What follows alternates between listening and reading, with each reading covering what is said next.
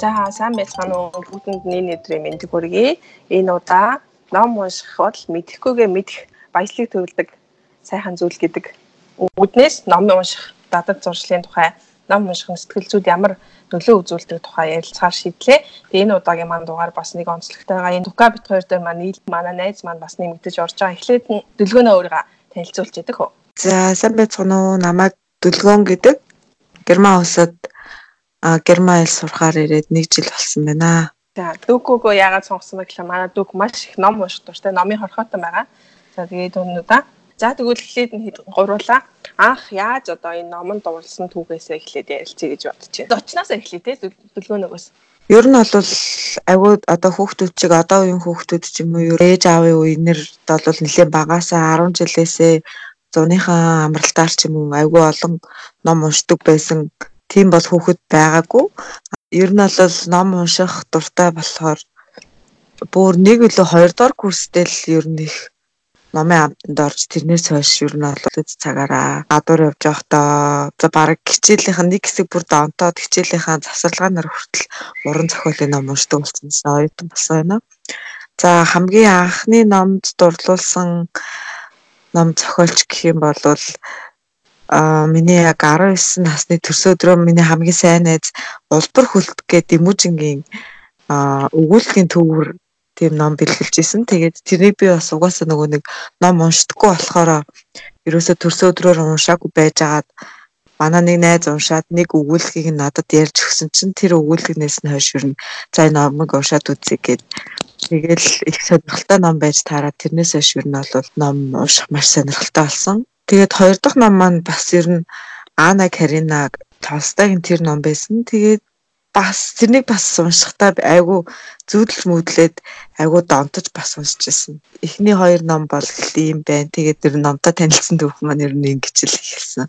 За би бол 10 жил байхдаа 10 жилийн сурагчийг бол тэгэл заавал унших хэрэгтэй байдаг байсан. Тэгээ тэрнээс гадна бол хувь хүний хөгжлийн тухай номнууд айгүй их уншдаг байсан юм аа. Хэрхэн амжилтанд хүрэх үү, хэрхэн одоо зөв хүн байх уу э, гэл номнууд айгүй их уншдаг байсан. Тэгээд уран зохиолын номноос гэх юм бол Лев Толстойгийн Гим зэмийг уншаад үнэхээр бүр номны амтанд орж исэн. Үнэхээр гоё санагдчихсэн. Сүүлд нь Монт Кристо гонг дурлаж уншиж исэн. Аа тэгээд Монголоос гэх юм бол үлцээ төгсийн номнууд бас маш гоё номнууд бичигдсэн байдаг. Тэдрийг уншиж исэн. Тэгэл ер нь ном унших дуртай болсон да. Тэгээ энэ далимт нэг юм хэлэхэд манай Дука ярьдаг ном гэдэг Facebook дээр ном уншиж өгдөг байгаа. Тэрийг мэдж байгаа сонсогчд байгаа ах, мэдгүй сонсогчд байгаа ах. Тэрийг бас хэлчихье. Манай дүлгөөнөө болохоор бас уншсан номынхаа сэтгэлийг бичдэг дүл дээрийгээд Facebook-ийн пэйж байгаа. Тэрийг дагаад энэ хоёр найз аваад жоохон реклам татах.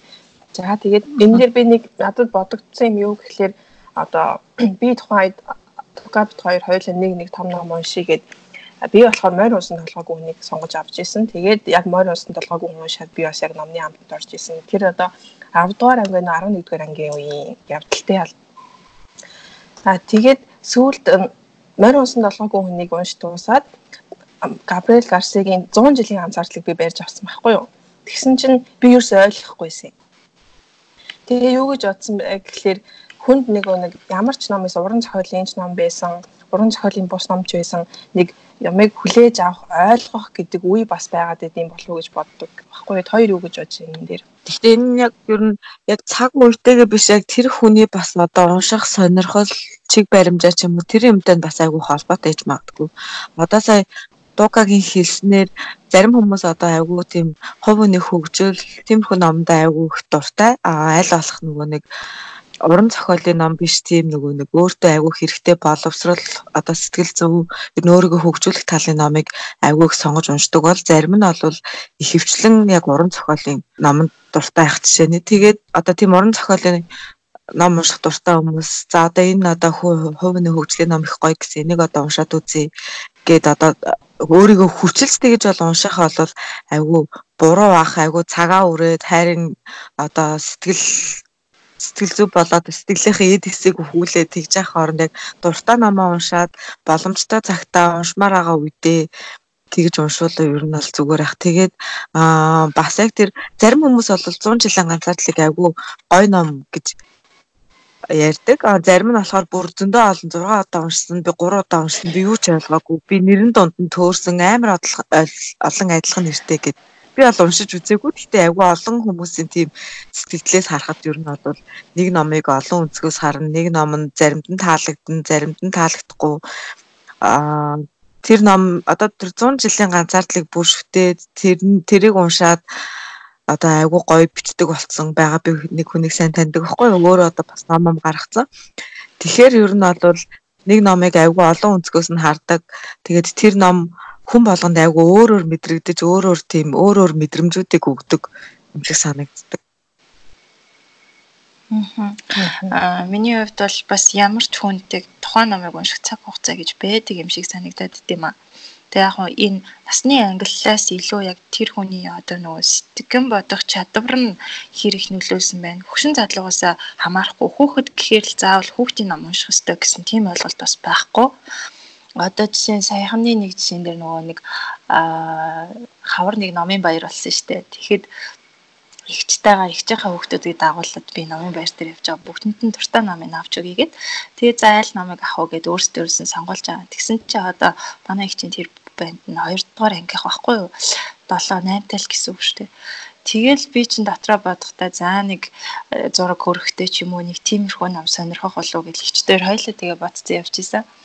Тэгээд бүр 2 3 тойрлаа нөгөө чи номоо сонгодгоо. За алуу Келс номоо сонгороо ямар ном дуртай гэлэн гэсэн чинь дэлхийн 100 бизнесмен ба банкны э, хөгжил илүү нэг тим сэжигтэй ном бариад авдаг байхгүй. Хөө ихчдэр бүр би билүү хараа гайхаад чи үнэхээр энэ номыг авах уу гэдгсэн чинь тий надад энэ ном л таалагдчихэв гэдэг. Аа за за окей гэлтэл хоёлаа ангаагаал аваад өгдөг байхгүй. Тэгээ сүлд би бод дараад нэг хэд хоногийн дараа гэрт нь очиад за нөгөө нэг номоо уншсан уу юуны тухайгаар чи нэгчтэй яриад үг гэдгсэн чинь бүр ойлгоод уншсан. Оо нөгөө нэг хин чин бууш чи ерөөсөө ерөнхийлөгч болохынхаа өмнө тим тим тим хийдэг байсан байлээ шүү дээ. Тэгээ октод нь бүр айгүй айхтар бүр мундаг октод байсан байлээ. Тэргээ ярьж мээрээ. Тэгээд энээс улбалаад ярихад бол тухайн номыг унших хугацаа нь болсон бол тэр хүн хэдэн настай байх нь хамаагүй унших бах гэж бодчихэ хүлээж авах чадвар л гэсэн үг шүү дээ. Тий. За би тэгээд энэ дээр сэтгэл судлалтай холбоотой ганц хоёр зүйлийг хэлье гэж бодож байна. За сэтгэл судлал тэгээд бас нөгөө энэ тархины шинжилгээ ухаантай холбоотой юм баримтууд байна л та. Ном уншсанаар хүний тархинд ямар үйл ажиллагаа явагдсан бэ гэдгийг энэ нөгөө MRI ашиглаж янз бүрийн судалгаагаар гаргаж ирсэн байна. Бидний тархины дух хэсэг, урд хэсэг байгаа шүү дээ. Урд тархи урд их тархины их тархины ч одоо 30% нь урд тархи гэж хэлдэг.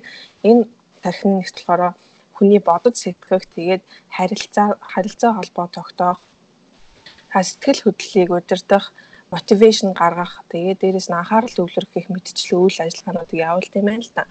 Тэгээд дээрэс нь богино хугацааны ой санамжтай холбоотой энэ энэ мэдээллийг цээжлэхүү тогтоох уу тогтоохгүй юу гэдэг зааврыг өгч идэх энэ тархины хэсэг байгаа. Хүүхдүүдэд ингээд ном уншуулсан байгаа байхгүй юу? Тэгэд энэ номыг уншаад яг хэл хэлний номнууд Япон судалгаа байсан бас энэ Япон хэл дээрх ном уншуулгууд хоёр бөмбөлөгний энэ тархины хоёр бөмбөлөгний гол хэсгээр нь илүү тархины ажиллаж исэн байгаа. Тэгээд тэр нь болохоор нөгөө дуу гаргахгүйгээр уншиж байгаа байхгүй юу? А тэгээд уншиж байгаа юм а хоолонд гаргаад те дуу гаргаж уншиж байгаа тохиолдолд одоо Верникийн төв гэж бас байдаг их тархинд Верникийн төвөнд давхар ажиллаж исэн. Тэгэхээр дуу гаргаад чимээтэй унших юм бол зүгээр ингээд нүдэрээ хаад унших шүү дээ. Өөрөө дуу гаргаад тэрийг сонсч унших юм бол зөвхөн одоо сэтгэн бодохоос гадна нөгөө сонсголын төвтэйгээ холбогдож байгаа учраас илүү анхаарал төвлөрөх бол ой санамжинд хамаатай байдаг гэж судалгаа гарсан байна.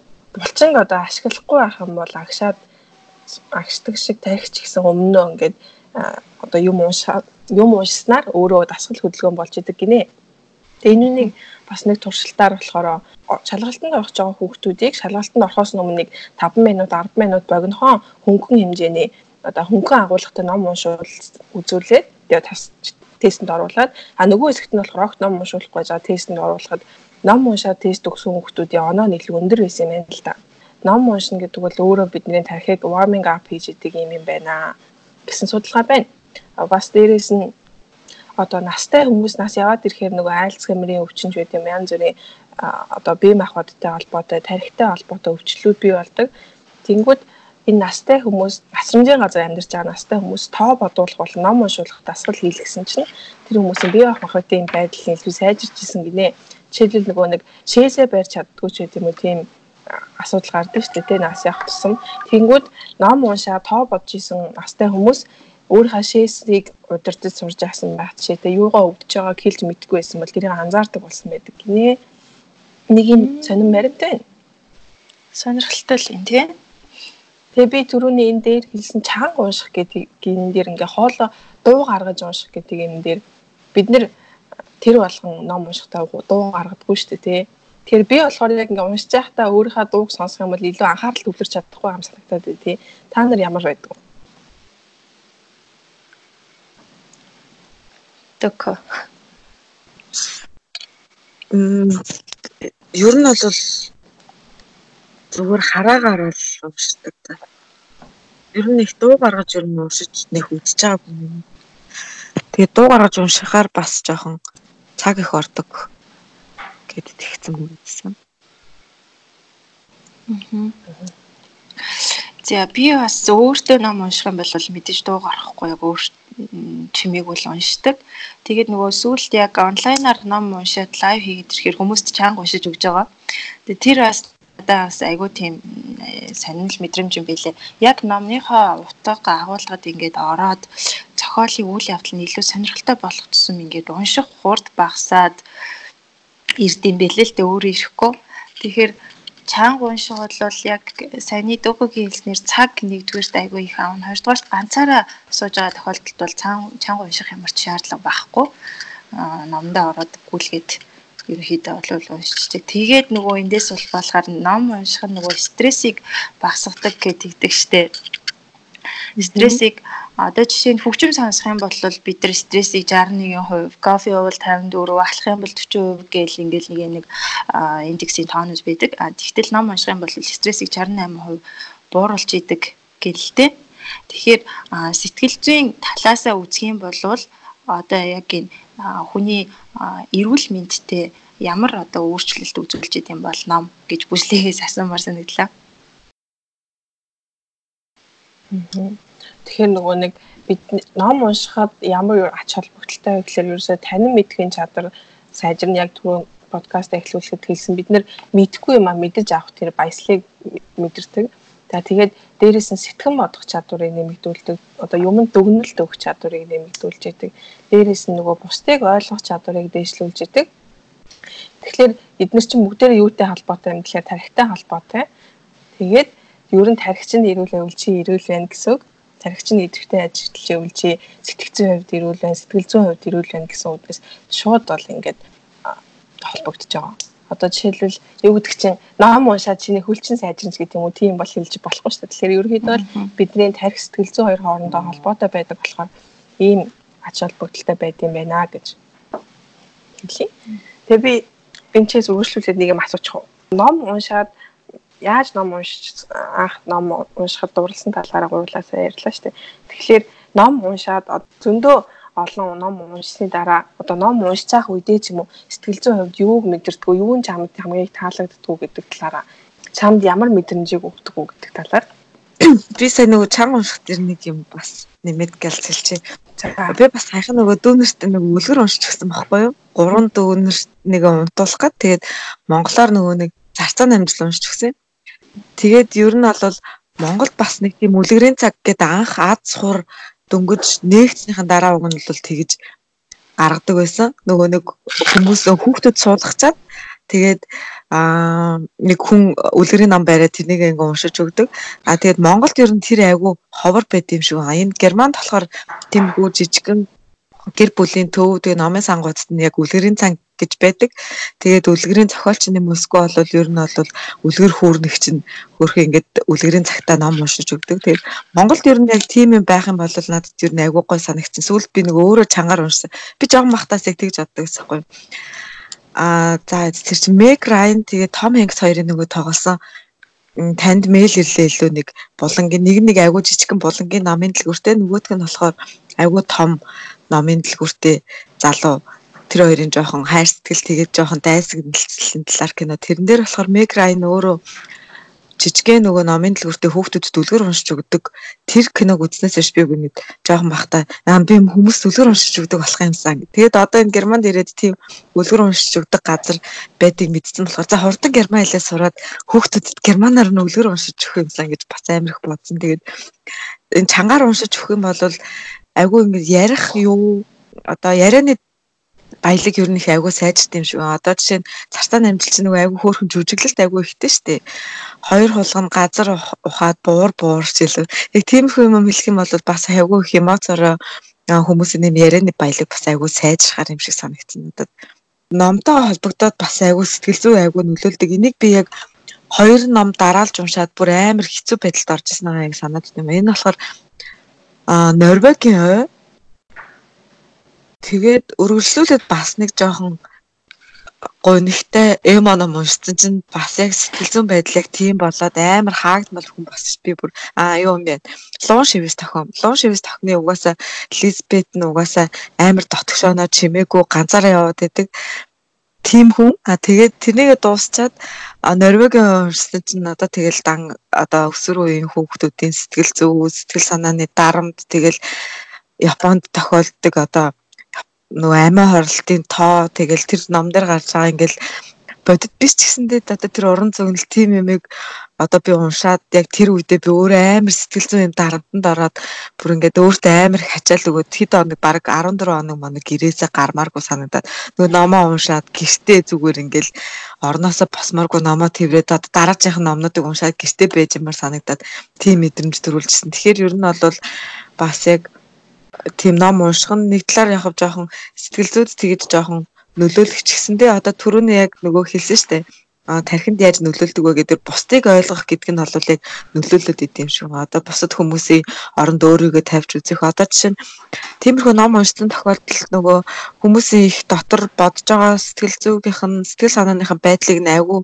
тод томруунаар өгүүлсэн байдаг шүү дээ. Тиймэрхүү ном одоо жишээ нь Ана Карина гэсэн дотроо ийм бодож байгаа тэгээ бүр сэтгэл зүйтэй холбоотой ингээд тийм тийм юм зүүдлэгдсэн байна гэх тэгэхээр тэр хүний дотор ч юм уу тэр хүний амьдралын цаана юу ч болсон байж магадгүй гэдэг айгу бусдыг ойлгож хүндэтгэх одоо ямар нэгэн шалтгаан зовлонгийг нь их ойлгоод өрөвдөх одоо тэр хүний оронд өөрийгөө тавьж үз тэр хүний мэдж байгааг нь өөрөө мэдрээгүй болохоор гэж ер нь жоох их боддог боддог ер нь болсон юм шиг санагдсан. Мөрсөнтэй л холбоотой байх л гэж би бас өөрийгөө бодоолаа. Канадын Йоки их сургуулийн эрдэмт Ремонд гэдэг хүний хийсэн судалгаа байхгүй юу? Энэ хүн болохоор нөгөө нэг уран зохиолын намнууд уншаад хүмүүсийн одоо бусдыг бусдыг ойлгох, бусдын саналыг хүлээж авах гэдэг чадвар нь өндөр бол тийм эмпати сайтай байдаг юм байна гэдгийг баталсан байлээ. Тэгээ сая дөлгөөнөг ярьсан чи би бас сая сүүлд уран зохиолын ном гэвэл одоо нөгөө Габриэл Гарсегийн тахлын үеийн дурдлыг уншсан байхгүй юу? Тэгээд уул нь бол би нэг хайр сэтгэлч гэдэг юм уу тийм сэдвүүдээр бол айгүй позитив байдаг. Тэгсэн чинь тэр номыг уншсанаас хойш ерөөсөө ер нь хайр майр гэдэг чи юу юм бэ? Хайр гэж үнэхээр байд юм уу гэд бүр ингээд уйлмаар санагдаад өрөөнийхөө хамт амьдардаг эмгтэйгээ эрэхтэн ёо чи ингээд намайг сонсоодох би ингээд бухимдаад би энэ номны талаар чам ярмаар ингээд тэгвэл өөрийнхөө боддгоос илүү өөр өнцгөр юмыг харах ингээд дипрэх гэх юм уу те эм орсон байхгүй эсвэл яг тэр саанд орлоо. Дука ойрд Ямар ном уншиж? За би чинь хамгийн сүүлд сая э, нөгөө нэг Юхагийн амьдрах үе гэдэг номыг уншиж дуусгалаа. Тэгээд тэр номыг уншаад бас л их дөнгөж сая би фэйсбүүкт яг мемо оруулчихлаа байж л да. Ямар хэцүү юм бэ хүний амьдрал гэд бас үнэхээр нэг стал дипер хэрл ном байна л да уншиж дуусны дараа.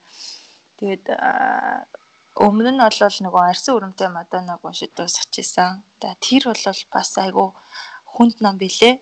Бас л нэг одоо хайр сэтгэлийн тухай тэгсэн хэрнээ тэр хайртай хүнийхээ төлөө ингээд юу ч хийж чадахгүй уулзаж чадахгүй ингээд байсаар хагаад хамгийн сүлт нь одоо нас орсон гэдэг мэдээг сонсдог ч юм уу бүр ингээ өмнөөс нь бохомдоо тийм л байсан бол эн чинь ямар зуун блээ дээ яагаад ингээ очиж чадахгүй байгаа юм гээл өөрөө өөртөө хэлээл уншиж илаа л та.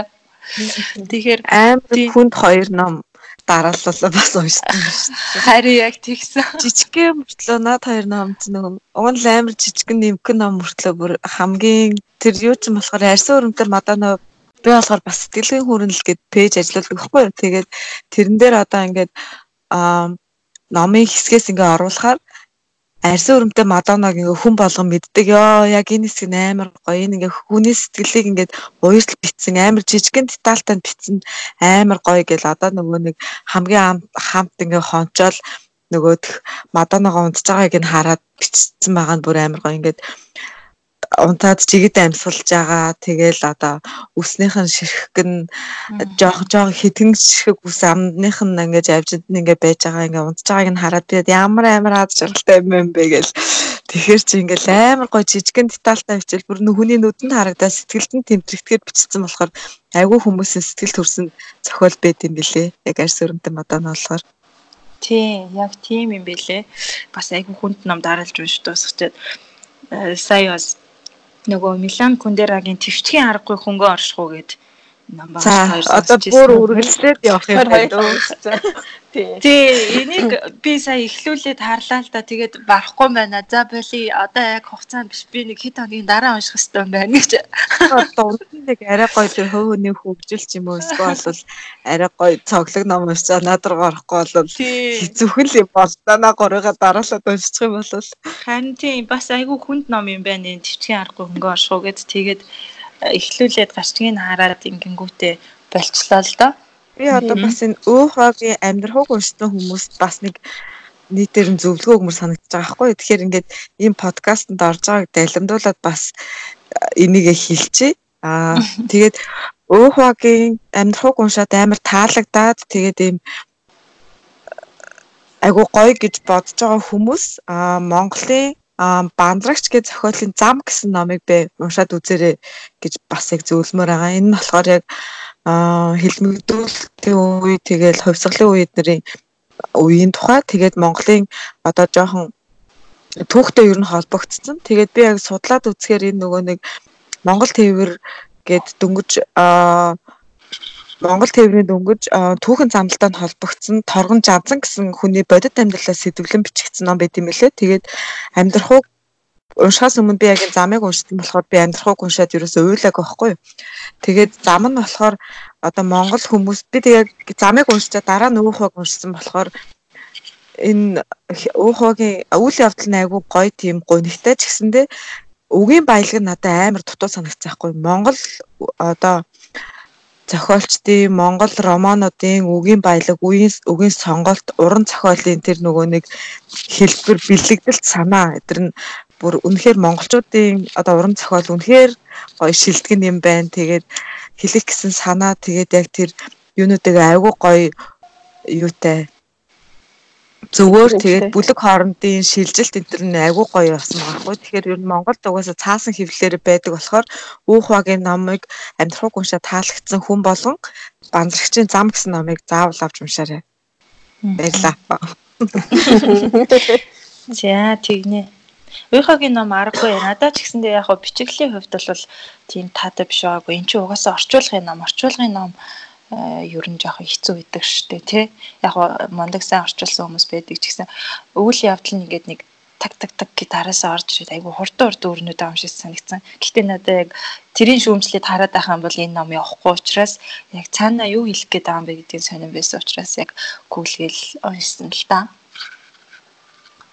Энэ дээр хоёрын яриан дээр нэг юм санджлаа. Би дээр аяр зан зохиолч нэг ярилцлага өгсөн байсныг сонссон байхгүй подкаст байсан. Тэгээд аюур зан ах гэхүүдээ биднээс ах юм чинь. Тэгээд аюур зан ах өөрөө бас нөгөө нэг орчуулга хийдэг. Дээрээс нь өөрөө зохиол бичдэг хүний хувьд нөгөө их хэл өөрийнхөө их хэлэн дээр буулна гэдэг бол маш их чадвар шаарддаг. Дээрээс нь ингээд яг тухайн зохиолын их хувийг уншихад яаж утсан ингээ өөрийнхөө монгол хэл рүү хөрвүүлсэн нь бол ингээ буудгүй үе байдаг. Заримдаа бол их хэл дээрээ унших нь гадаад хэл дээр уншсаас илүү ойлгомжтой үе байдаг гэсэн. Тэгэхээр яг нөгөө тухайн номыг хэн орчуулсан байна гэдэг нь бас өөр өгдөг баг. Жишээлбэл нөгөө морь унсан талгаагүй хүн Дука одоо уншиж байгаа Монт Кристо гүн энэ төр чинь олон жилийн өмнө орчуулж исэн хувилбар болон юунууд нь хоёр цоврал ном нь хүртэл хоёр өөр орчуулагчтай байна гэж лайв дээр ярьж ирсэн шүү дээ. Тэгэхээр тухайн орчуулж байгаа хүнийх нь л бас нөгөө юмыг илэрхийлж байгаа чадвар гэх юм уу орчуулгын чадвар нь бас энэ дээр айгүй хамааралтай байдаг байна. Яг чи яг хятад хэл дээр уншвал бас монгол хэл дээр уншаагаас арай өөрөөр бас бож магадгүй ингэж би бас бодлоо сая. Тий. Угаасаа ер нь бол тэгэхээр юм билээ. Тэгээд энэ Монте Кристо гүнчин ч гэсэндээ Орос хэлнээс орчуулсан юм билээ. Өмнө нь нөгөө нэг хэд хэлний орчуулагчид айгу бага байх үед ихэнх номнууд дандаа Оросоос орчуулагддаг гэсэн. Энд чинь өөрөө Франц зохиол. Тэгэнгүүт Орос хэлнээр орчуулсан гэдэг ингээ хэл даамнаад явсан гэхээр бас утга санаанд нь ямар өөрчлөлт гарах вэ? Тэр нь ойлгомжтой тий. Тэгээ би сая дүлгөөнийг хэлсэн нөгөө хоёр ном уншаад ингээд гэрээсээ гармааргүй санагдаад гонхарсан гэдгийг сонсоод бас нэг юм судалгааны юм байсаанд ороод нөгөө Ohio-гийн их сургуулийн эрдэмтэн гэдэг хүн энэ судалгаа хийсэн юм л да. Хүн одоо тухайн номыг уншаад хэр тэр номондоо донтож хэр тэр номондоо дурлаж уншиж байгаас нь хамаарат уншиж байгаа номынхаа дүртэй адилхан цагаан төрхтэй болж хувирдаг гинэ. Аа яа яа. Тэнгүүд айгүй нөгөө гунигтай дүртэй тэр дүрд нөгөө нэг гуник гутрал зохиолцсон ч юм айгүй хүнд амьдралыг туулсан ч гэдэг юм уу. Тийм болгоод өөрөө тэрийг ингэж мэдэрч авж ийн л гэсэн үг юм байна л да. Тэгэхээр гурлаасаа яг ямар номыг уншаад өөрсдөө өөрөө энэ зохиолынхаа дүртэй ижилхэн эмпатитэй болоо гэдэг талаар ярилцлаа тий. Гэхдээ бас нөгөө өөр яг уран зохиолын номон дээр яаж хахад ер нь ном уншин гэдэг нь өөрөө сэтгэл санаагаа унах сэтгэл зүйн одоо хямралд орохоос сэргээлж идэг гэсэн шүү. За ном уншиж сэтгэл санааны хямралд орох нь энгийн сэтгэл санааны хямралд орохоос дээр юм байна. Яг ойлголоо. Яг зөв. Ийм гоё гаргал гэж гисэн баярлаа. Яг хөө тэгтээ ном сэтгэл санаагаар унжин гэж юм бол зүгээр нөгөө номынхаа дүртэй дүртэй зохиолынхаа агуулга хэлэх гэсэн санаанд нь өөрөө нөгөө чиний эмпати чинь одоо бусдыг ойлгох ижилхэн мэдрэмж төрөх гэдэг утгаар л чи унаглаж байгаа болохоос биш сэтгэлээр унж байгаа болохоос биш чи өөрөө өөрийнхөө амьдрал сэтгэлээр унж байгаа гэсэн үг бас биш шүү дээ. Тэгэхээр тийш сэтгэл гутралаас жоох ялгаатай болчихж байгаа байхгүй юу? Гэтэ ерөнхийдөө бол төлгөөнөөгийн хэлсэн үг зөв ном унш ном уншихгүй сэтгэл санааны хямралд орсноос ном унш сэтгэлээр унаа гэдэг чинь болохгүй байна. Тэр хамгийн сүүлд аа Обамагийн Becoming нь уншсан. Тэгээд тэрнээс хойш бас айгүй тийм өөдрөг ингээл юмэг жоохон хийгээд айгүй ирч хүчтэй хийгээд айгүй хурдан хурдан дуусгачмаар юм шиг би чадна би чадна гэдэг бас ирч хүчтэй болчихсон ш. Тэгээд бид хоёроос нэг юм асууя таяр ингээд ном уншаад тэгээд тэрнийгээ шүнэн ингээд зүүдлээд эсвэл номон дотор орж ийн зүүдэлжсэн үү? Ер нь бол тэгжсэн л тоо сайн санаж байгаа нь болохоор бас түрүү жилийн 100 Абел Гарсагийн би ч үл Марксийн фэн юм байна л да. Аа тийм бэ. Зарлагдсан үхлийн товчон гэдэг номыг уншсан байхгүй юу? Тэгээд би нөгөө уурлан тэр чинь гайгүй жижиг ном штэ. Тэгээд би яг нөгөө ажил дээрээ уншиж эхлээд дуустал нь унших хэрэг шүн унтахгүй болчих гээд болдгоо. Тэгээд би тэр нэг дундаас нь л унтцсан. Тэгсэн чинь шүнжэнгөө нөгөө нэг дүрийга тэр чинь хурд амтан эцсийн эцэд бол үхтгэл залуу штэ. Тэгээд нөгөө залууга үхчлээ гэж зүудэндээ үзээд исэн. Тэгээ хит нөгөө сэтгэл хөдлөлд автаж уншихаар яг зүйлтгэл юм байлээ. Миний хамгийн сайн санаж байгаа жишээл яг энэ байна. Би бас зүйлчээсэн шүү дээ. Яг нөгөө дотор нь орж уншихаар ялцч хүмүүс болгонд тэгдэг баха.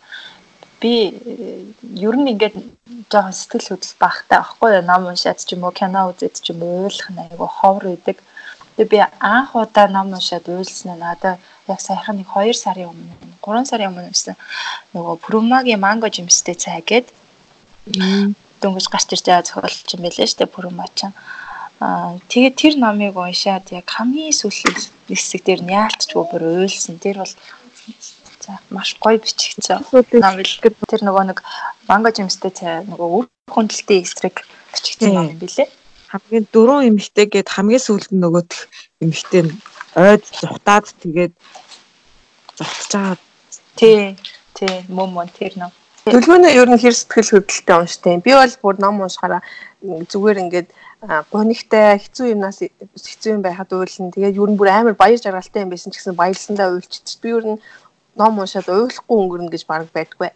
Төлөвнөө хэр сэтгэл хөдлөлтөй уншдаг. Би болохоор хамгийн анх би яг Ана Каринагийн тэр нөгөө жирэмсэн үедээ хар дардаг хэсгийг нь яг тэр номон дээр яг бичигдсэн байснаар би яг зүудэлжсэн. Аа на яг тийм зүуд зүудлээ гэж яхад би яг тэрнийг уншаад шүн нь яг тэрнгээр нь хард арч байсан. Тэгээд дараа нь болохоор ноонууд нь лам уншаад тэгээд нилээ хэдэн жилийн өмнө дөнгөж ном уншдаг болчоод амар ном машинтдаг болсон байх үед ноонууд нь ламын тэр нөгөө тэгээ тэргүүд мэргүүдэд хөөгдөөл будуулаад яваад ах шиг байсан. Тэгээ сэтгэлүүд уйлж гэх юм бол би хамгийн анх бидний оддын алдаа гэд номыг уншаад айгүй хуйлжсэн. Тэгээд сая сүүлд энэ банзрагчин зам гэсэн номыг уншаа би шүн хоёр шүн орондоо уйлсан ш.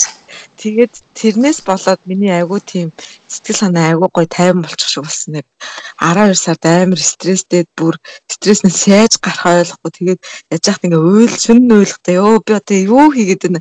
Амар стресстэй тайлах гэж ном уншсан биш бүр уйлж мөл өөрийгөө носно. Хэлнэстэйгээ мутгалтаа тэгээд хоёр өнөг уйлал номноос олж тэгэж уйлал. Ингээд сэрэгсэн чинь миний ингээд сэтгэл санаа амар дээрчсэн. Тийм багадгүй би ном уншаагүй сэтгэл зүгээ. Тэгээд бариад тэр чигтээ ингээд бүгээд яваад исэн бол бүр илүү л готрах байсан байх. Улам илүү стресстэй байсан баха. Тэгээд ном уншаад уйлдсан чинь одоо ингээд сэтгэл санааны байдал маань ч гэсэн айгүй дээрчсэн юм шиг санагдсан шүү дээ. Саяны 12 сар тэгж уйлахад бол за тэгээд цахим ном буюу Kindle эсвэл бол утсан дээрээ уншдаг ном уншдаг аппликейшн сайн болон муу тал тэгээ та хоёр ер нь бол юу гэж бодож байгаа талаар дэмждэг үү? Эсвэл зүгээр цаасан номоо тэрвэрэд хөвчих яхан зүгээр эдгүү гадар явж байхдаа сонсдог ном сонсвол зүгээр үү? Тэгээ хөнгөн болохоор нь утсан дээр аппликейшн татж аваа эсвэл бол Kindle цөнхлээд явж байхан зүгээр үү? Та хоёрын хувьд. Kindle энэ төр бол ашиглаж үзег болохоор мэдгүй. Гэхдээ нөгөө нэг яг ном нь олдохгүй гар утасны Google Google-ийн нөгөө нэг номны аппликейшн энэ төр байдаг шүү дээ. Тэрэн дээр уншиж үзчихсэн. Тэгээд яг яалчгүй нөгөө цаасны өнөр өнөртэй бодтой ном унших нь бол надад таалагддаг. Тэгээд сонсдог номны хувьд бол би сонс ном сонсч бол баг үзээгүй. Тэгээд сүүлд Дукагийн лайв хийснээс хойш би ер нь ном сонсч үзсэн шүү. Бас нөгөө өөрөө унших зав байхгүй сонс ном сонсоод явах бас зүгээр юм байлээ. Тийм би бол одоо бүхэл аргаар ном уншиж сонсч ийсэн. А энгийн ном зүгээр цаасын хэлбэрээр нь унших бол угаасаа ямар ч хүнд тааламжтай л бах. Тэр нь илүү одоо өөртөө ойрхон санагддаг ч юм уу, илүү номдоо гүн ордог юм шиг санагддаг. Ам утсан дээр ном уншихаар жоохон нүд өвдөд идэг талтай. Утсан дээр яг уншиж исэн. Бас уурдаг хахад тэгээд нөгөө номыг олж авч чадахгүй урд цахимаар номоо олонгуудаа утсан дээр уншаад нүд өвдөд ангууд нь зүгээр шууд аадрын цаас дээр хэвлэж гаргаж явж ирсэн. алхимичийг би тэгэж уншсан. Сонсохын хувьд гэх юм бол ер нь яг ном сонсох гэсэн ойлголт айгүй ховор дөнгөж л гарч ирж байгаа юм билээ. Тэгээд би яагаад ном хүмүүс сонсгоё гэж бодсон гэхээр нөгөө түүхч Үлзий Баатаргаа нэг Монголын түүхийг имхтгэцэн нэг 3 CD байсан шүү дээ тий. Тэр өстэй гоё байсан тий. Тийм би тэрийг айгүй их сонсдог байсан байхгүй юу.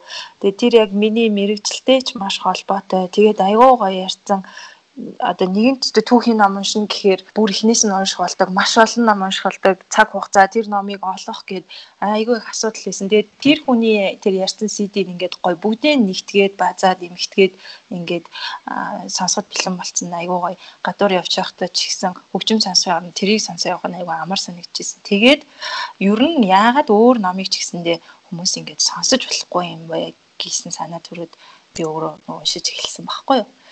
Тэгэхээр яг уу хүмүүс нөгөө нэг одоо ажлын ачаалал байгаа орчин гадаад дотоодд сурж байгаа гэл ингээл янз янзын нөхцлөөсөө хамаарат өөрсдөө аль эвтэйхэн байдлаар сонгох бах л та. Тэрнээс бол яг хамгийн бэст сонголт бол мэдээж цаасан номоо бариад унших нь бол илүү бахаа л гэж бодож байна. Би энэ дээр нэг юм хэлчихье. Бас юм номын тэмдэглэл сэтгэлүүд хөтэлдэг одоо аппликейшн ч юм уу ямар нэгэн платформтой болох гээд гадуур хүмүүстэй уулзч нэг хэсэг явж байсан байхгүй. Тэгэхэд нэг Тэгэхэд нэг ах надад ингэж хэлж ирсэн. Ингээ уншаад тогтоодог хүн ингээд байдаг болвол сонсоод бүр амар сайн тогтоодог хүн байдаг ингэнэ Тэгээд тэр ах болохоор өөрөө би ингээд сонсоод амар тогтоодог хүн. Тэгээ би бүр ямар сандаа өөрөө ингээд уншаад тэр номоо ингээд ойлгохгүй болохоор би найзуудаараа дуудуулж уншуулдаг гэдэг ч аахгүй. Тэгэхээр бас хүмүүсийн ойлгох чадвар нь уншаад сайн ойлгодог байж болно, сонсоод сайн ойлгодог байж болох учраас одоо яг сүүлийн үед яг тийм сонсдог ном маань бас жоохон түгээмэл болж байгаа нь болохоор тийм хүмүүс бас айгүй их байгаа болохоор сонсдог ном маань айгүй тийм үр дүнтэй бас хурдан тий хурдан тарахад магадгүй. Тэгээд би болохоор бас аа зүгээр энгийн ном уншихаас гадна бас Kindle тэгээд утсан дээрээ уншихыг ер нь бол уншиж байгаа ер нь чөлөөт цав гарах юм бол уншиж байгаа гэж хэлмээрээ аваад явхад хөнгөн тэгээд одоо зөвхөн нэг л төрлийн биш айгүй олон номын баялагтай болохоор ер нь бол зүгээр би тэгээд нэлээд хэдэн жилийн өмнө ээлж хаамралтаа Harry Potter-ын 7 дахь урлаг эцнэр онцсон баггүй юу. Тэр нь болохоор би тэгээд айгүй олон жил энэ аппликейшнийг хэрэглэж байгаа. Moon Reader гэдэг аппликейшн байдаг. Тэгээд шөнийн гэрэлгүй орчин гэж бас байж болгодог. Тэгээд ингээд байн байн ингээд жижигэн дэлгэцтэй болохоор уцаа ингээд эргүүлээд туруугаараа эргүүлээд авах амар хэцүү шттэ. Тэгээд энэ Moon Reader дээр ингээд хурдаа тохируулчих юм бол өөрөө автоматар ингээд хууц нь уншигдаад явцдаг утсан дээрээ. Тэгэхээр ер нь ингээд зүгээр уцаа хараад сууж байхад зүгээр ингээд яг таны нүдний харааны хурданд чинь тохирсон одоо текстийг нь гүйлгээд гүйлгээд явчихна. А Kindle болохоор би гадуур гадаад мадаад их явдаг. Ийшээ тийшээ аялдаг хүмүүст ер нь бол Kindle-ийг зөвлөмөр байгаа. Одоо Монголд ч гэсэндээ төлбөртөө татдаг юмнууд маань айгүй их болцоо оюуны өмчийг хүндэтгээд одоо хулгаагаар ер нь бас хүмүүс маань их энгийн файлаар навж унших нь гэсэн баг болчиж сайхан мөнгөө төлөөд татаж авч уншиж байгаа. Тэгээд айгүй хөнгөн ачаанд айгүй тэр багтаа болохоор Kindle-ийг бас уншиж байгаарэ гэж хэлмээр байна. Тэгээд Германд болохоор бас хүмүүс айгүй их ном уншаа явж идэг. Гудамжинд ч бай баг алхаа явж байхдаа ч хүмүүс ном уншаа явж идэг. Тэгээд одоо ингээд метронд цухаар амар чихэлсэн багтал ингээд бүгдээрээ ямар нэгэн электрон уншигч юм уу эсвэл бол цаасан номоо барьцсан явж идэг. Бүр 7 настай хүнээс бүр жоохон хүүхдээс ахуулаад 70 настай эмээ өвгөнөр бүгд ингээд ном уншаад суух судалтай бол уншаад суух судалгүй бол босоогоор уншаа явж идэг. Тэгээд тэрнгээрээ гэсэндээ хүмүүсийн харьцааны соёл одоо юм хумыг үдсэж байгаа хүнтэй харьцаж байгаа тэд нар бас ер нь бол шал ондоол байгаа л та гэж хэлмээр байна. Аа за тэгэхээр сайн нөгөө Германд айгүй хүмүүс ном уншдаг гэж тэгж штэ тий. Би бас энэ дэр нэг юунаас харж ирсэн. Хамгийн их ном уншдаг улсууд ямар ямар улсууд байд юм болоо гэд энэ болохоор дэлхийн соёлын онооны индексээс гаргасан тийм судалгаа байд юм лээ. 7 хоногт хэдэн цаг ном уншиж байгаагаар нь улсуудыг ингэж чагсаасан. Харамсалтай нь яг энэ судалгаанд бол Монгол хараахан ороогүй юм бэлээ. Эхний нэгдүгээрт нь гэх юм бол энтгэг улс орд юм бэлээ. Энтгэг улс ч одоо бичиг үсэг тайлбарцсан хуваар 85% та. А тэгсэн хэрнээ 7 хоногт 10.4 цаг ном уншдаг гэд нэгдүгээр байранд орсон бэлээ. Хоёрдугаарт болохоор Тайланд улс 9.2 цагаар орсон бэлээ. Тайландад өдөрт 28 орчим минут бол заавал ном уншихад зарцуулдаг гэж бичсэн байгаа. Одоо иргэдүүд нь а 3-т болохоор хятад орсон 8 цаг уншдаг. Өдөрт 11 минут орчмыг бодлол сонин сэтгүүл уншихад зарцуулдаг. 30 минут бол бас зайвал уншдаг гэсэн байсан. За тэгээ эхний 3 байр нь энэ улс. Тэгээ хамгийн сүүлд Араб улс орсон билээ. Араб 7 хоногт 6.3 цаг ном уншдаг гэдгээр орсон билээ. Тэгээ би бас энд яад Монгол ороогүй болоо Монгол ер нь 7 хоногт хэдэн цаг одоо маа залуучууд ном уншиж байгаа бодлоо гэж бодож исэн. Аа нэг хэсэг айгу надад бол тэгээд санагдаад байдаг ш. Би болохоор яг тэгэж яг баримттай ер нь интернетээс гэсэн судалж үзсэнгүүл зүгээр л миний харж байгаа өнцгөөс болохоор манай ээж аавын үеэрт болохоор яг сургуулийнхын систем нугасаа одоо зуны амралтаараа хідэн ном уушаад тэмдэглэл хөтөлж ирээрэй юм.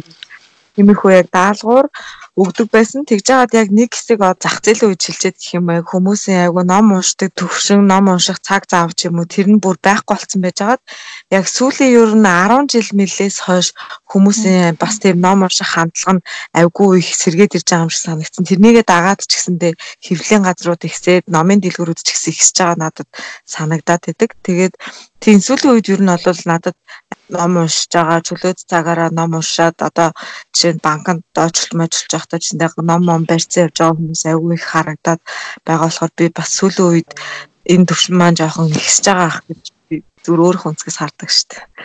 Аа. Тий би бас яг тэгэж бодож байгаа. Ер нь бол одоо сүүлийн үед ном уншихгүй залуучууд байхгүй. Айгүй их групп байна. Facebook дээр тий хоорондоо уулзалт зохион байгуулдаг, би бинийгаа ном уншихыг уриалдаг болцсон. Ном уншдаггүй гэхээр баг гайхаж хардаг тийм болцсон. Тэр нь бас айгүй аваа штэ баярлалаа штэ тий. Хоёр яаж ном унших номоо сонгодог вэ? За миний хувьд гэх юм бол ном уншихтаа сүүлийн үед байг нөгөө нэг өмнөх үгийн тэгээд нөгөө орчуулсан байвал орчуулагчийн, редакторын, зохиолчийн гэл ингээл бүх юм айгүй хардаг болцсон байлээ. Тэгээ ингээд гарчгийн гөөл гэж харна, тэгжиж сонгодог. Тэгээд төрлөөр нь гэх юм бол тухайн үед би ямар ном унших уншмаар байна тэрүүгээрээ л ер нь сонгочтой штэ. А яг нэг хүмүүсийг даад юм уу яг бестселлер болсон ном болгоныг авч уншаад байхыг боддгоо маа.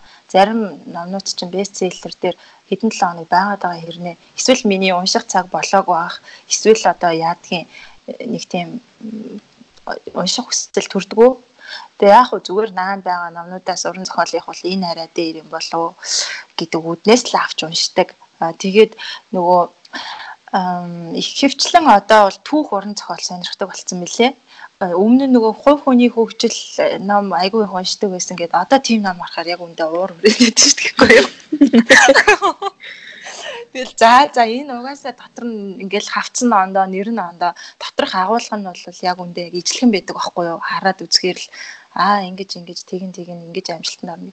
Тэр бол нэг сайн биш болсон билээ. Миний хувьд болохоор анх ном уншиж эхэлж байгаа гарт баригдсанаа эсвэл бол зүгээр cover зургаас нь Эсвэл зүгээр бестселлер 10 ч юм уу тиймэрхүү юмд байгаа номнуудыг шууд очиод авчдаг байсан. Тэгээд бас яг группүүд одоо энэ гоё энэ муухай гэсэн номнуудыг зүгээр хүний шууд зүгээр л нэг ганц хоёр үгээр очиод шууд аваад сонгоод уншдаг байсан. Тэгээд тэр нь болохоор айгүй буруу сонголтууд байсан байхгүй. Гэхдээ яг миний бол цаг нэх үргэлдээгүй. Гэхдээ одоо ер нь бол арай цензуртай ханддаг болсны хувьд ингээ хараад үцхээр ер нь жоохон амир сэтгэл хөдлөөрөө бас хүний үгээр ингээ өөрөө толгойгүй юм шиг шийдэл гаргаж намаа уншдаг байсан байгаа юм. А одоо ингээд бас хүмүүсийн сэтгэлдлүүд бас надад бол нөлөөлж байгаа. Гэхдээ би тэр сэтгэлдлүүдийг бас уншихтаа өөртөө амар цензуртай ханддаг болсон. Тэр нь болохоор зөвөр ингээ хаа хамаагүй группт явж байгаад энэ гоё энэ гоё гэж хуйларсан номныг биш. Одоо одоо нэлээ олон жил олон жил биш юм аа. Тэр сүүлийн хэдэн жил ном уншсан. Тэгээд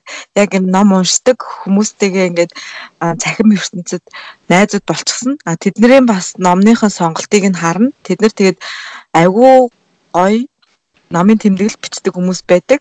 Тэгээд тэд нар болохоор бас номондоо нэлээд тийм шалгууртай ханддаг учраас тэдний уншсан ном тэгээ унш бичсэн тэмдэглэлийг нь харж байгаа ер нь бол надад номоо сонгоход бол тэр айгүй чухал нөлөө үзүүлдэг.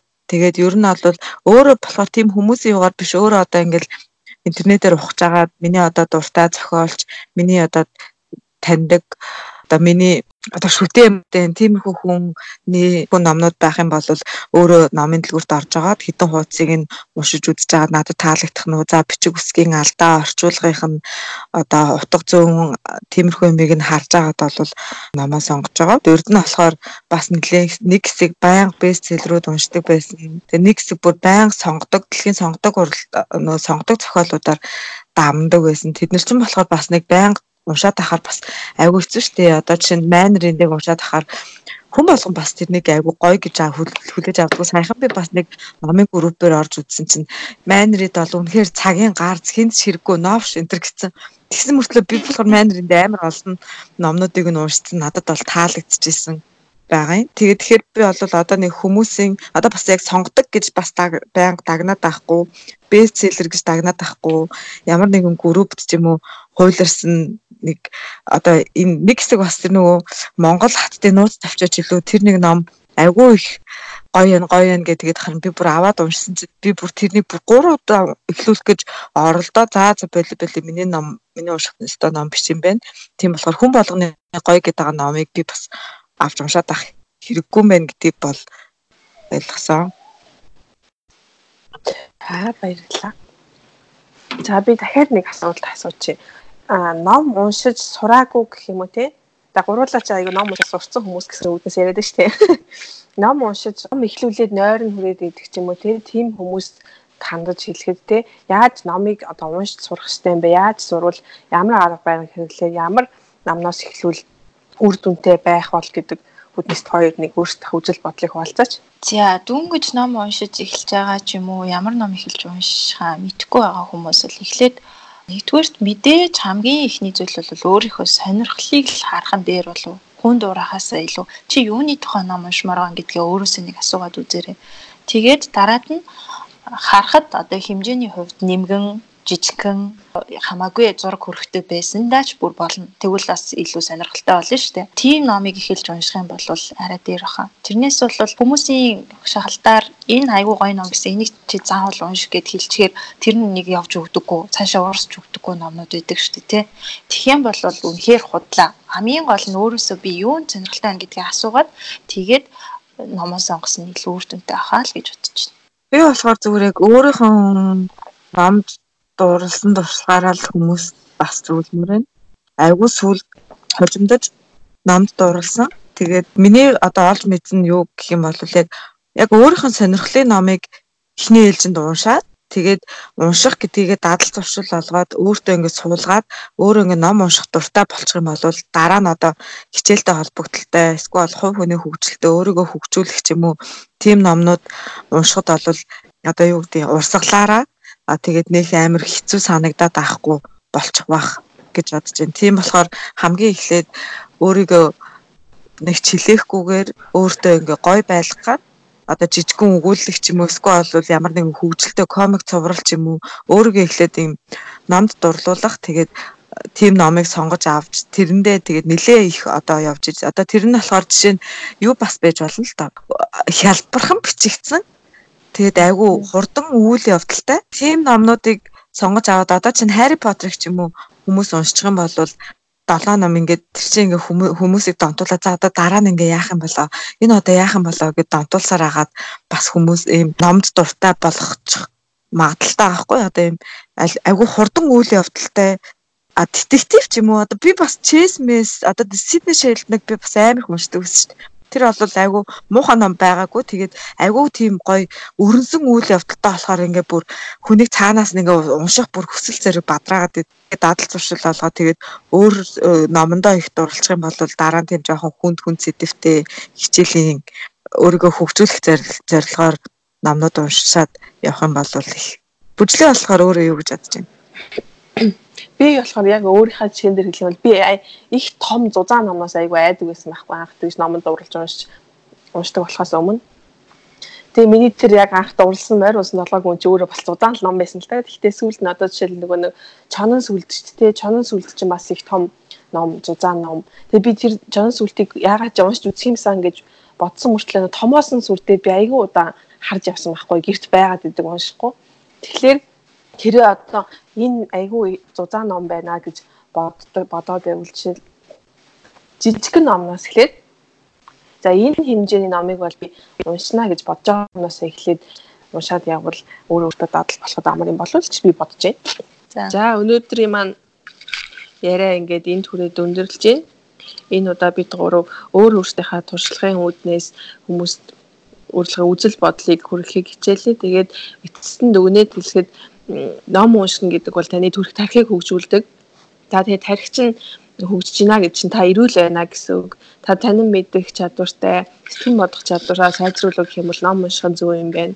Настай хүмүүс ч гэсэн ном унших нь бие махбодод өөрийгөө удирдахт нь хийх болт юм байна. Бидний стрессийг 60% 8% тайлж өгдөм бэ ном их мэдчлэн зүйлсийг ярьлаа. Тэгээд бүгдээрээ ном уншицгаая гэж хэлээд энэ удаагийнхаа дугаарыг өндөрлөе. Тэхөө. За. За өнөөдөр урилгын манд хүлээж авч оролцсон дүлгөөнөдөө баярлалаа. За бүгдэнд маш их баярлалаа. Баяртай. Баяртай.